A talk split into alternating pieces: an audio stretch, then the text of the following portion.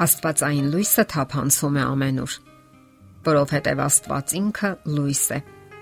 Երբևէ մտածել եք, թե որքան զարմանալի է մարդկային տեսողությունը։ Մարդու տեսողությունը Աստվածային հրաշքներից մեկն է։ Այն շատ ավելի բարդ է, քան կարող է թվալ առաջին հայացքից։ Ամեն անգամ բացելով մեր աչքերը, մենք պետք է վերամշակենք հսկայական քանակի խիստ բարդ տեղեկատվություն։ Տեսողական պատկերները մենք ընկալում ենք ուղեղով Շատ մարդիկ այսօր հայտարարում են, որ հավատում են միայն այն բանին, ինչը տեսնում են աչքերով։ Ինչպես ժողովրդական ասացվածքն է ասում, ավելի լավ է մեկ անգամ տեսնել, քան 100 անգամ լսել։ Պատկերացրեք, որ սենյակում կան բազմաթիվ իրեր։ Մութ է, եւ մենք չենք տեսնում դրանք։ Բայց բավական է վառել լույսը, եւ ամեն ինչ կտեսնենք։ Սենյակում ոչինչ չփոխվեց։ Այն պարզապես լուսավորվեց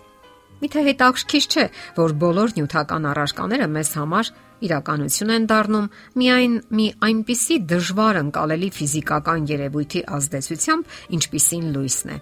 Իսկ ահա այդ հրաշագործ լույսը մենք ընկալում ենք տեսողական բարդ համակարգի աչքի միջոցով։ Ծիծաղաշարժ է մտածել, որ այդպիսի անսովոր բարդ կառուցվածք ունեցող օրգանը ստեղծված կլինի ինքն իրեն կամ պատահականության շնորհիվ։ Այսօր ավելի ու ավելի շատ գիտնականներ են հանգում այն մտքին, որ աչքը Աստծո ձեռքի գործն է։ Նույնիսկ էվոլյուցիոն տեսության հիմնադիր Դարվինն էլ մի անգամ խոստովանել, որ իրեն շատ վատ եւ անիմաստ վիճակում է զգում, երբ մտածում է աչքի բնույթի մասին, եւ թե ինչպես այն կարող է բնական ընտրության արդյունք լինել։ Եվ այսպես, աչքը միայն զարմանալի հանելուկ չէ, այն արվեստի զարմանահրաշ ստեղծագործություն է, որը միայն Աստված կարող էր արարել։ Հետաքրքիր է, որ Աստվածաշնչում արարչի մասին հաճախ է խոսվում որպես լույսի։ Լույսը համընդհանուր ընդունված խորհրդանիշն է նրա, ով ծրում է խավարը։ Սաղմոսերգուն Դավիթ Թագավորը բացականչում է. Տերն է իմ լույսը եւ իմ փրկությունը։ Ես ումից պիտի վախենամ։ Մեկ այլ առիթով նա աղոթում է.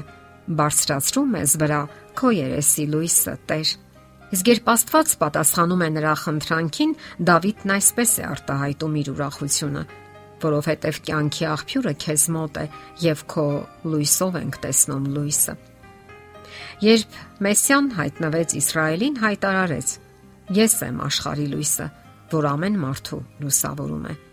Մենք նաև գիտենք, որ լույսը պրիզմայի միջով անցնելիս վեկվում է տարբեր երկարության ալիքների եւ այսպես հայտնվում է ողջ գունային դաշտը կամ գամման։ Դեռ հնում գիտնականները նկատել են, որ լույսն իր մեջ պարունակում է բոլոր գույները։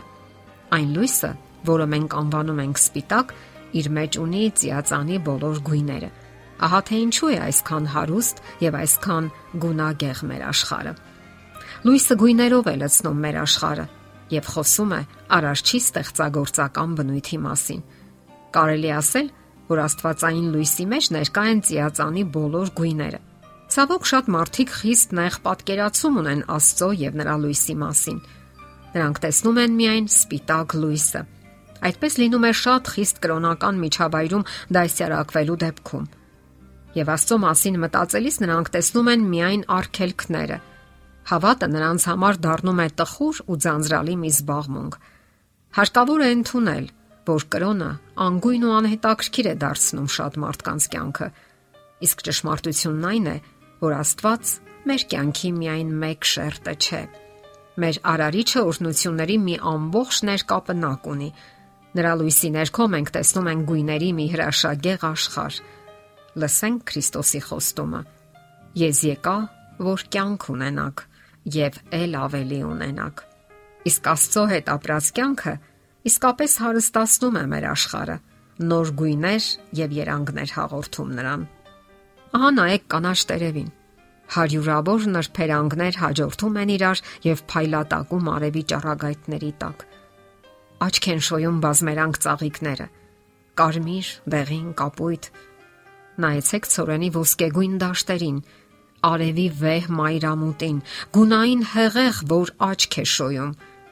Նա ով հորինել է մեր աչքի բարդ կառուցվածքը, մեզ ապարգևել է նաև գույների գրավիչ հորիզոնը։ Աստվածաշունչը պատմում է մի մարդու մասին, որը ճակատագրական բախում ունեցավ լույսի հետ։ Երիտասարդ Փարիսեցին Սավուղ անունով երկար ժամանակ ապրում էր սևի ու սպիտակի աշխարհում։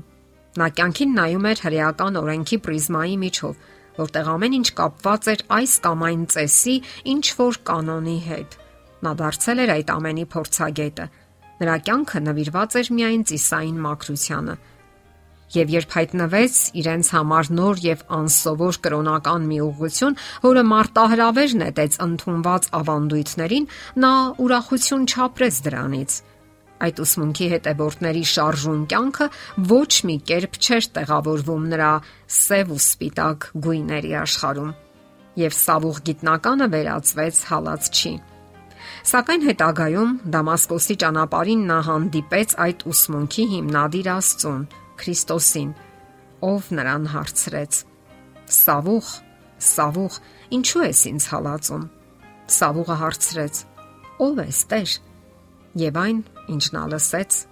փոխեց նրա ողջ կյանքը։ Ես Հիսուսն եմ, որին դու հալածում ես։ Այսպես նա իմացավ Հիսուսի մասին, եւ նրա աշխարհը լուսավորվեց նոր, շատ ավելի հարուստ գույներով։ Նա այլ մարդ դարձավ։ Այսօր մեզ էլ է տրված այդ հնարավորությունը՝ տեսնել այդ լույսը, ընդունել այն եւ թույլ տալ, որ այն գործի մեր կյանքում։ Այն շատ մարդկանց կյանքում է գործել, ովքեր ապրել են նոր կյանքով։ Նրանց կյանքը վերափոխվել է Քրիստոսի լույսից, այնպես, ինչպես վերափոխվեց Պողոսի դեպքում։ Քայլենք դեպի լույսը եւ այն ցույց տանք մարդկանց։ Դա է падգամել մեզ Աստված, որովհետև նա ինքը լույս է, որ ցրում է մեր կյանքի խավարը։ Եկեք ուրեմն մեկ անգամ էլ կրկնենք Սաղմոսերգուի խոսքերը Բարձրացրում ես վրա քո երեսի լույսը, Տեր։ Եթերում է ղողանջ հավերժության հաղորդաշարը։ Ձեզ հետ է Գեղեցիկ Մարտիրոսյանը։ Հարցերի եւ առաջարկությունների համար զանգահարել 033 87 87 87 հեռախոսահամարով։